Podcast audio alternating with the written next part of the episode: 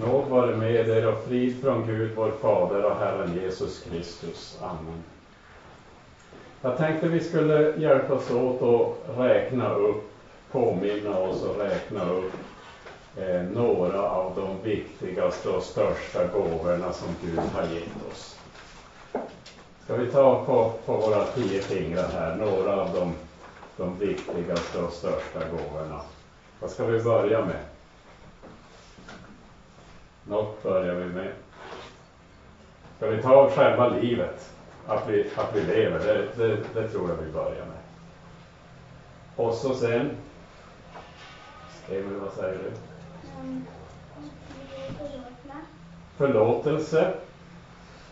Att vi är förlåtna. Stor viktig gåva. Mer? Fler gåvor?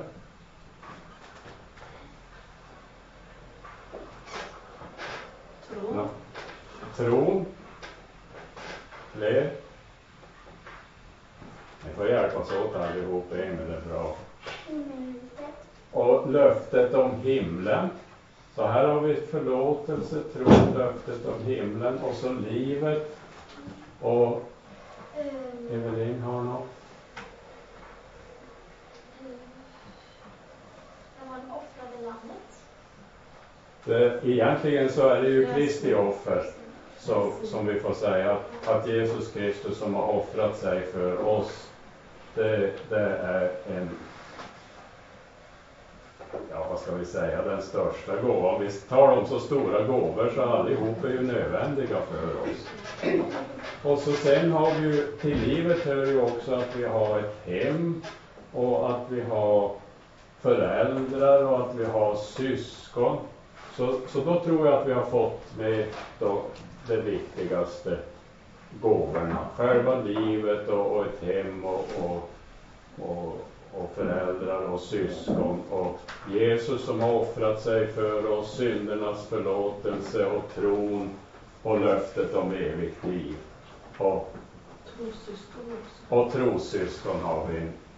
Så alltihop är, och Sofia också, Han är på sitt ord och så Bibeln, sitt Guds ord. Så, så egentligen är vi väldigt rika. Och en av de här eh, gåvorna som ni redan har nämnt, eh, namnet på den gåvan finns i det här paketet och jag har slagit in det i ett paket så här för att vi ska påminna oss om att det är en gåva. Och de här hjärtarna, det, det är en kärleksgåva. Det kan vi lista ut. Det är en kärleksgåva till oss och, och vi ska öppna och se vad det är för gåva.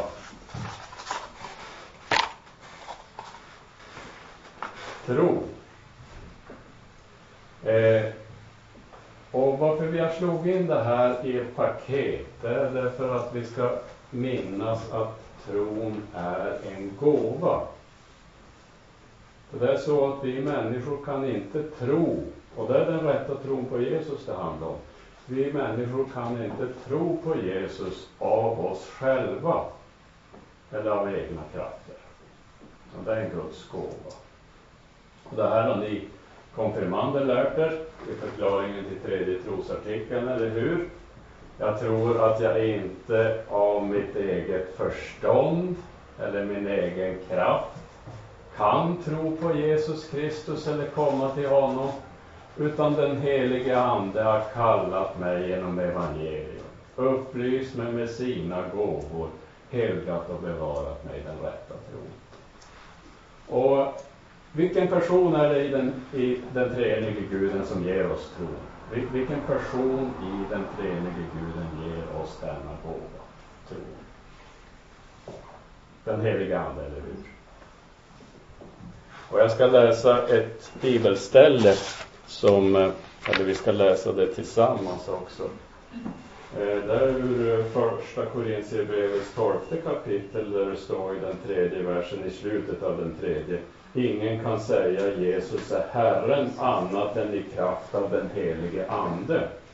Ska vi läsa tillsammans? Ingen kan säga Jesus är Herren annat än i kraft av den helige Ande. Så det är den helige Ande som ger oss tro. Och vi kan inte, vi kan inte tro på Jesus utan den gåvan av oss själva. Det är den helige Ande som ger oss tro. Nu ska vi knäppa händerna och tacka eh, för den gåvan. Helige Ande, vi tackar dig att du har gett oss den rätta tron på Jesus Kristus. Så ber vi att du lär oss att uppskatta din goda gåva. Och så ber vi att du är med oss när vi studerar Bibeln så att du genom ordet gör vår tro på Jesus stark. Det ber vi om i Jesu namn. Amen. Predikotexten idag den är ur Matteus 12 kapitel och vi ska läsa verserna 33 till 37 och så lyder Guds heliga ord. Om ni förutsätter att trädet är bra så är frukten bra eller att trädet är dåligt så är frukten dålig. Ty av frukten känner man trädet. Huggormsyngel. Hur skulle ni som är onda kunna tala något gott? Vad hjärtat är fullt av, det talar munnen. En god människa tar ur sitt goda förråd fram det som är gott och en ond människa tar ur sitt onda förråd fram det som är ont. Men jag säger er att för varje onyttigt ord som människor talar ska de stå till svars på domens dag. Efter dina ord ska du frias och efter dina ord ska du fällas. Amen. Herre, helga oss i sanningen. Ditt ord är sanning. Amen.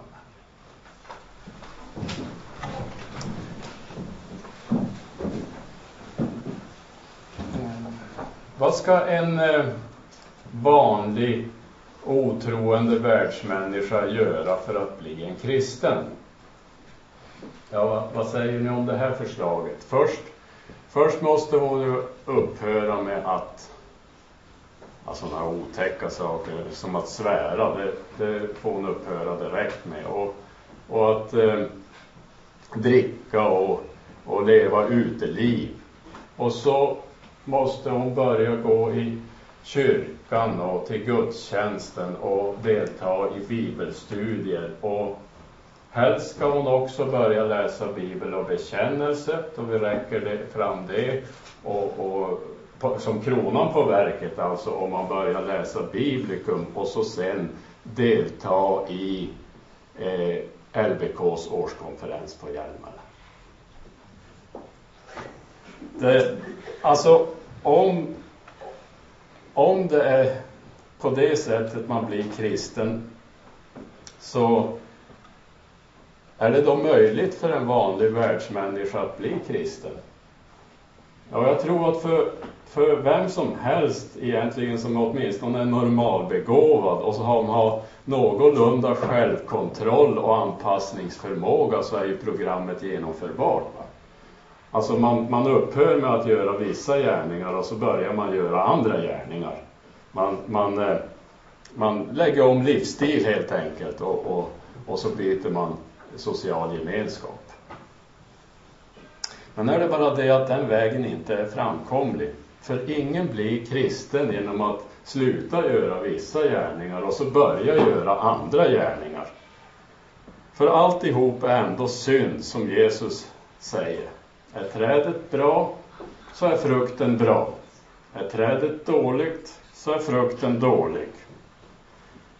Det vill säga att om en människa inte blir helt förändrad, om hon inte blir en ny skapelse, om hon inte blir född på nytt, om hon inte får ett, ett nytt sinne, ett nytt hjärta, så är alla hennes gärningar, hur de än ser ut till det yttre, så är det ändå en dålig, rutten frukt. Därför av naturen så är människan ett dåligt träd. Och är trädet dåligt så är frukten dålig. Det är ju naturligtvis inte så att vi inbjuder människor här, kom till, till gudstjänsten och, och, och kom till bibelstudium. Här har du bibel och bekännelse för att vi menar att, att de blir kristna genom att lägga om livsstil och börja göra andra gärningar. Utan vi gör ju det för att de ska höra ordet och ordet har ju kraft att väcka tro.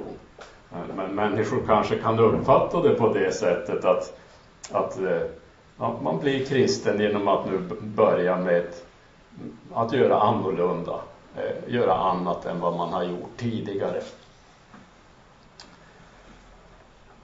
Inför människor så spelar det ju stor roll hur man uppför sig. Men faktiskt för saligheten spelar det ingen roll.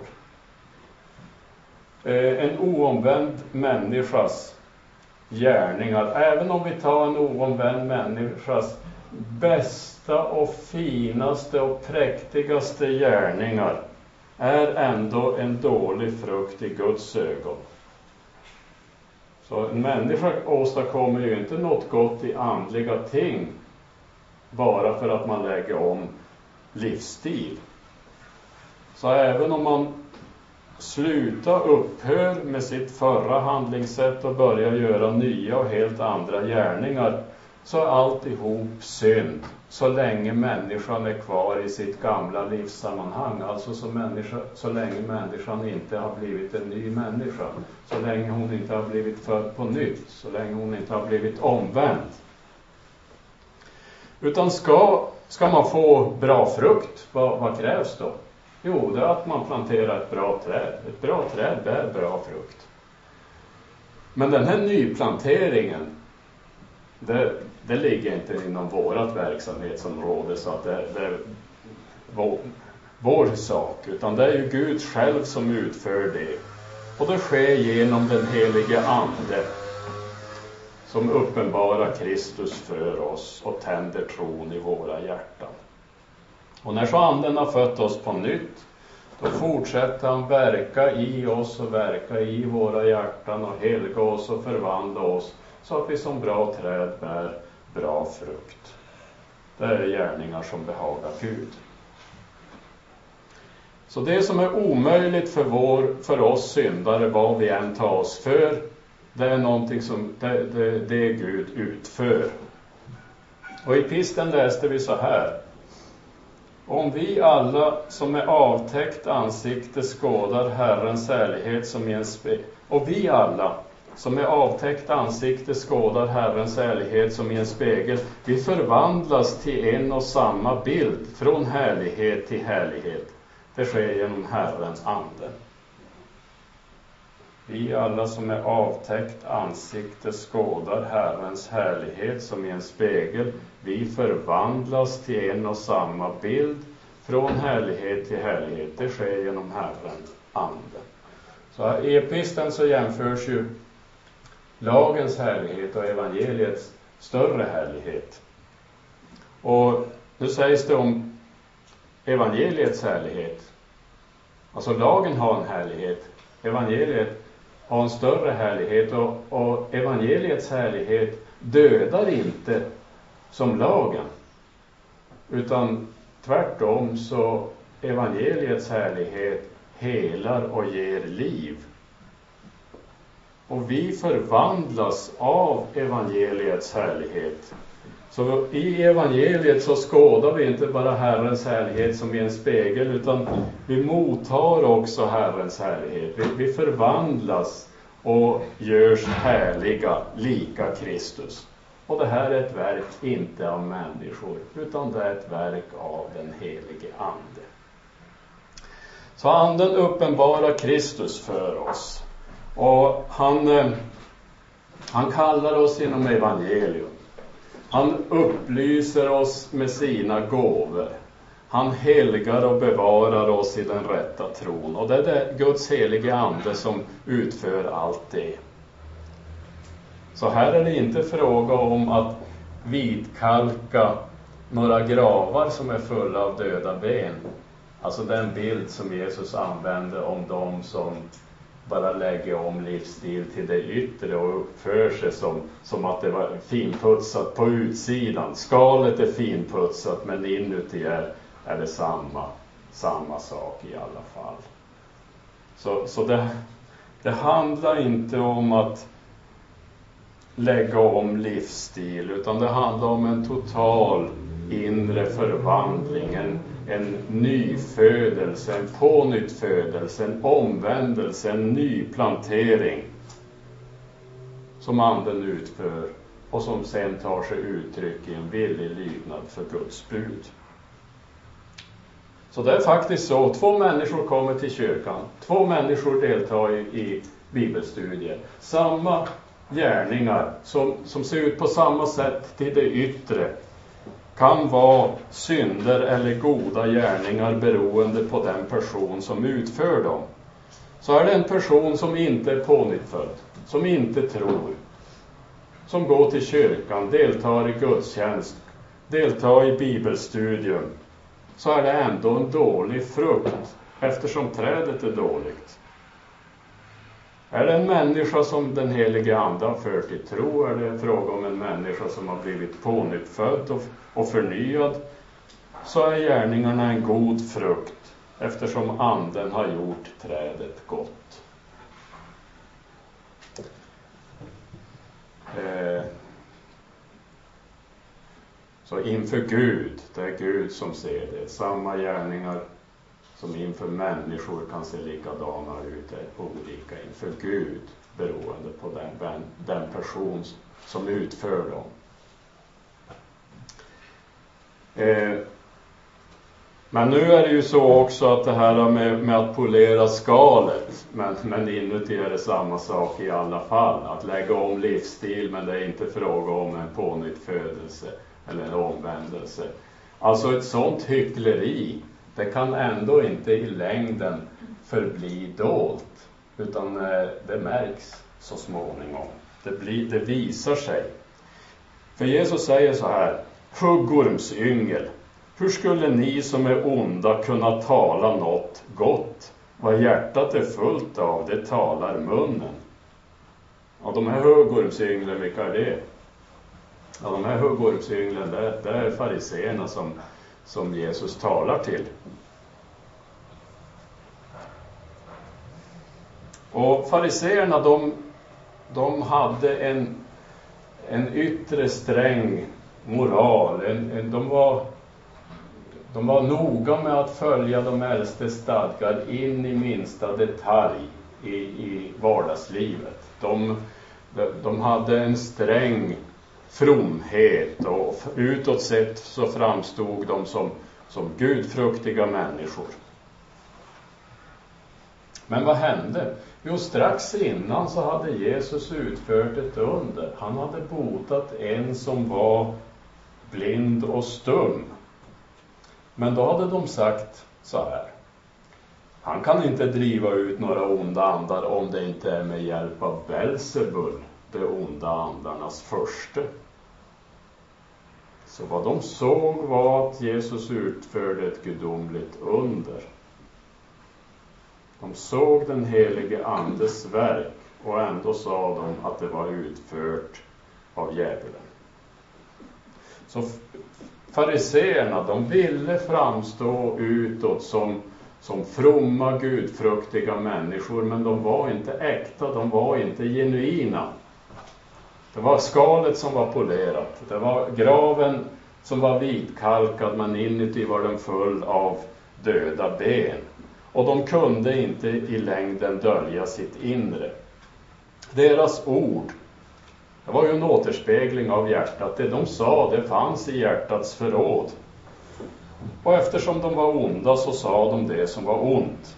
Så när de såg den helige Andes verk så sa de ändå att det var utfört av djävulen. Och det här det var ju ett uttryck för deras otro och för deras hjärtans hårdhet och förhärdelse. En ond människa talar det som är ont och en ond människa tyder ju även det som är gott på sämsta tänkbara sätt till någonting ont. Och så kommer man med beskyllningar. Och Jesus varnar dem de var i färd att begå den oförlåtliga synden mot den helige Ande. Och det var just det, att fast de sett det gudomliga undret, det gudomliga undret sken dem i ögonen. så sa de ändå mot bättre vetande att det här var utfört av djävulen. Så de tillskrev anden, andens verk, det, det, det var djävulens verk. Och det här är ju ett uttryck för största ondska. Och när Jesus retoriskt frågar så här, huggormsyngel, hur skulle ni som är onda kunna tala något gott?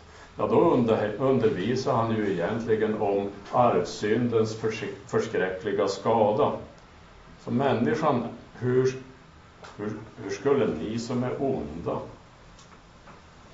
Men män, människan är av naturen ond. Och vad innebär det? Att människan av naturen är ond. Och för det första innebär det att vi har gjort en förlust. Vi har förlorat godhet, helighet och rättfärdighet inför Gud. Människan blev en gång skapad fullkomligt god. Herren såg på sitt verk och se, det var mycket gott. Människan var fullkomligt god, hon var rättfärdig och helig inför Gud, men förlorade allt det genom sitt, sin synd, sitt uppror mot Gud. Men människan har inte bara gjort en förlust, istället så har det tillkommit en ondska som kallas fiendskap mot Gud, som tar sig uttryck i onda ord, onda, tank, onda tankar, ord och handlingar som människan utför tvärt emot Guds vilja. Och eftersom människan av naturen är ond så talar och gör hon det som är ont. Så onda ord och gärningar, hoppsan, där hände det. Det, bara, det, det, det, det bara skedde. Nej, så onda ord och gärningar är inga tillfälligheter, utan visar vad hjärtat är fullt av. Vad hjärtat är fullt av, det talar munnen. Och det här är ju en regel som gäller både goda och onda. En god människa tar ur sitt goda förråd fram det som är gott och en ond människa tar ur sitt onda förråd fram det som är ont. Så orden avslöjar vad som finns i hjärtats förråd. Och tredje kapitlet i Jakobs brev, det, det handlar just om det här. Alltså egentligen Jakobs brevs tredje kapitel. Läs det i sin helhet. Det handlar om just om det här hur ondskan, hur, hur tungan avslöjar vad som finns i hjärtats förråd. Vi ska läsa några ställen, men läs gärna hela tredje kapitlet så, så får ni dem i, i sitt sammanhang, alltså sammanbundna. Vi kan inte läsa hela kapitlet. Men han skriver så här. Vi begår alla många fel. Om någon inte felar i sitt tal så är han en fullkomlig man som kan tygla hela sin kropp. Men var finns denne fullkomlige man bland vanliga människor? Ja, då kan vi säga att han finns inte. Och det framgår också av vad Jakob skriver i fortsättningen, för han säger så här. Tänk på hur en liten eld kan antända en stor skog. En sån eld är tungan, en värld av ondska bland våra lemmar. Den smutsar ner hela vår kropp och sätter tillvarons hjul i brand och är själv antänd av Gehenna. Och så fortsätter han alla slags fyrfota djur, fåglar, träddjur och vattendjur låter sig tämjas och har blivit tämjda av människan.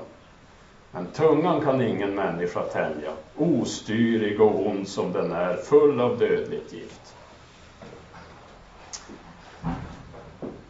Så det är ju så att inte heller kristna kan ju behärska sin tunga, utan, utan och, och vi säger onda ord och det kan inte försvaras.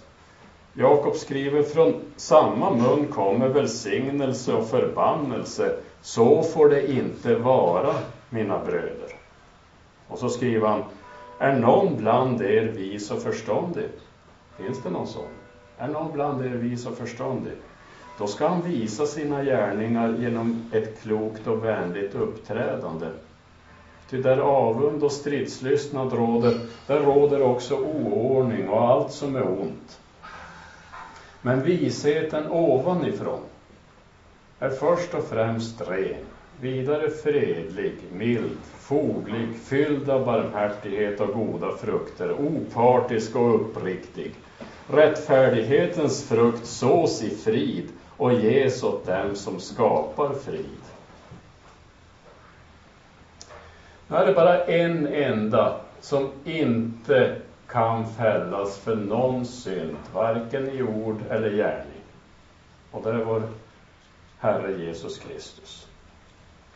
Han tog ur sitt goda förråd fram det som var gott och talade bara det som var i enlighet med Guds vilja och han talade det som blev till välsignelse för dem som hörde det. Om honom heter det så här, ljuvlighet är utgjuten över dina läppar.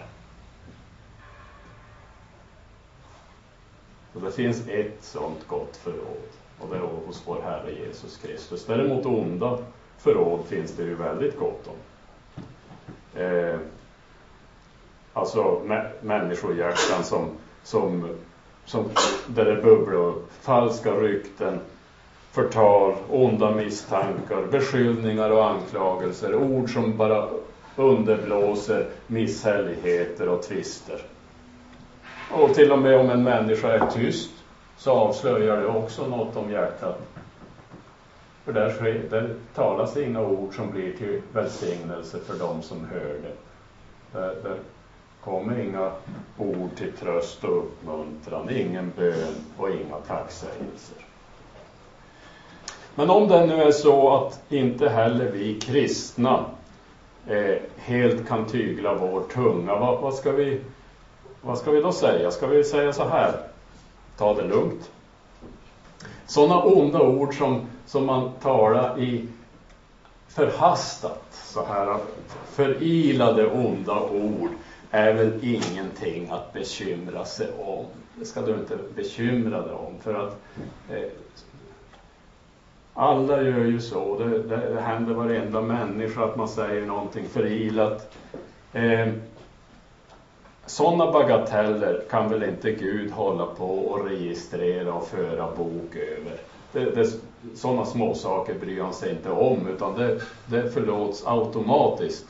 Utan det är bara stora och svåra synder som man behöver göra bot för. Och vad säger ni om ett sådant svar? Nej. Vi kan ju jämföra vad Jesus säger.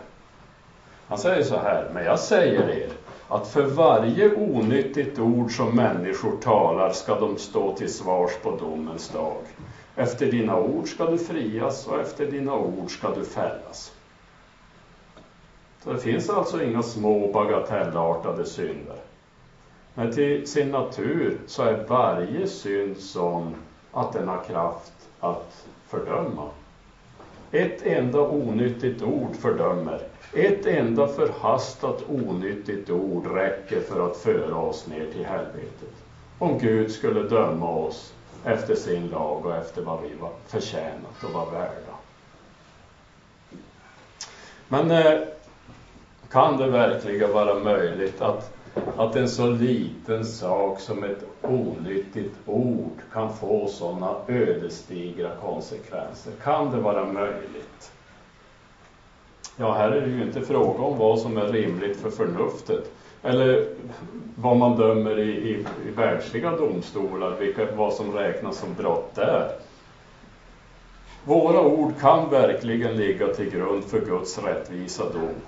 Så fast vi kan tycka att det är bagatellartat så avslöjar ju ändå orden vad som finns i hjärtats förråd. De onyttiga orden avslöjar vad som finns här inne. Och därför kan domen ske efter vart och ett av våra ord. Men om det är så, ja då måste vi säga, då är väl läget hopplöst för oss. På det svarar vi så här. Vissa synder hindrar inte att man tror på Jesus Kristus och blir salig. Och därför ska vi vända oss till honom och hålla oss till honom. Om honom heter det så här, ljuvlighet är utgjuten över dina läppar. Och det innebär för det första att han som vår ställföreträdare har uppfyllt lagen helt i vårt ställe. Det han sa var alltid ljuvligt, det var i enlighet med Guds lag. Han gjorde vad vi borde men inte förmådde. Han har gjort det i vårt ställe och hans lydnad räknas som vår, som vår rättfärdighet. Och det innebär också, det här ljuvlighet är utgjuten över dina läppar. Det innebär för det andra att han har kommit med ett ljuvligt budskap till oss. Och vad är det för ljuvligt budskap han har kommit till oss med? Jo, han, han säger, min son, fatta mod min son, dina synder är förlåtna. Och det här, dina synder är förlåtna, det han inte riktar bara till en syndare, utan det är ett ljuvligt budskap som han riktar till alla syndare. Och därför kan ju också Jesu apostel skriva så här i, det är Johannes som skriver i första Johannesbrevets andra kapitel. Mina bröder, det här har jag skrivit till er för att ni inte ska synda. Men om någon syndar, så har vi en som för vår talan inför Fadern, Jesus Kristus. Och han är rättfärdig. Han är försoningen för våra synder och inte bara för våra, utan hela världens. Och det finns en enda som är rättfärdig och det är Jesus Kristus.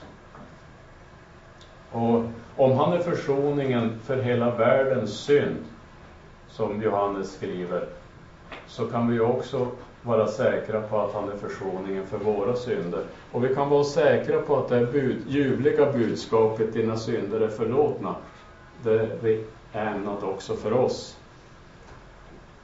Och det här ljuvliga budskapet som skänker oss syndernas förlåtelse, det är det som är Nya testamentets större härlighet.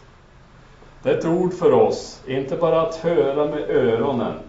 Det ska inte stanna här, utan vi ska ta emot det och bevara det i våra hjärtan. Och vi ska låta det förvandla oss och förnya oss till bra träd som bär god frukt. Eh, Hebreerbrevets författare skriver så här. Låt oss därför genom honom, låt oss därför genom honom alltid frambära lovets offer till Gud, en frukt från läppar som prisar hans namn. Amen. Låt oss så be. Käre Jesus Kristus, du har gjort vad vi borde men inte förmådde. Hos, all, hos dig finns förlåtelse för allt vad vi har sagt och gjort. Och det ger oss frimodighet, både här i livet och inför döden och inför domen. Låt ditt evangelium förvandla oss så att vi blir lika dig.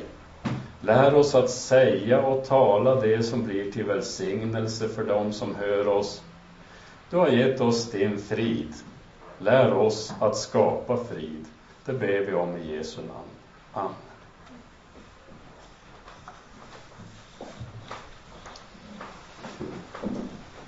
Så ska vi sjunga psalm nummer 44. Under psalmen så tar vi också vår kollekt som anbefallas till det varmaste.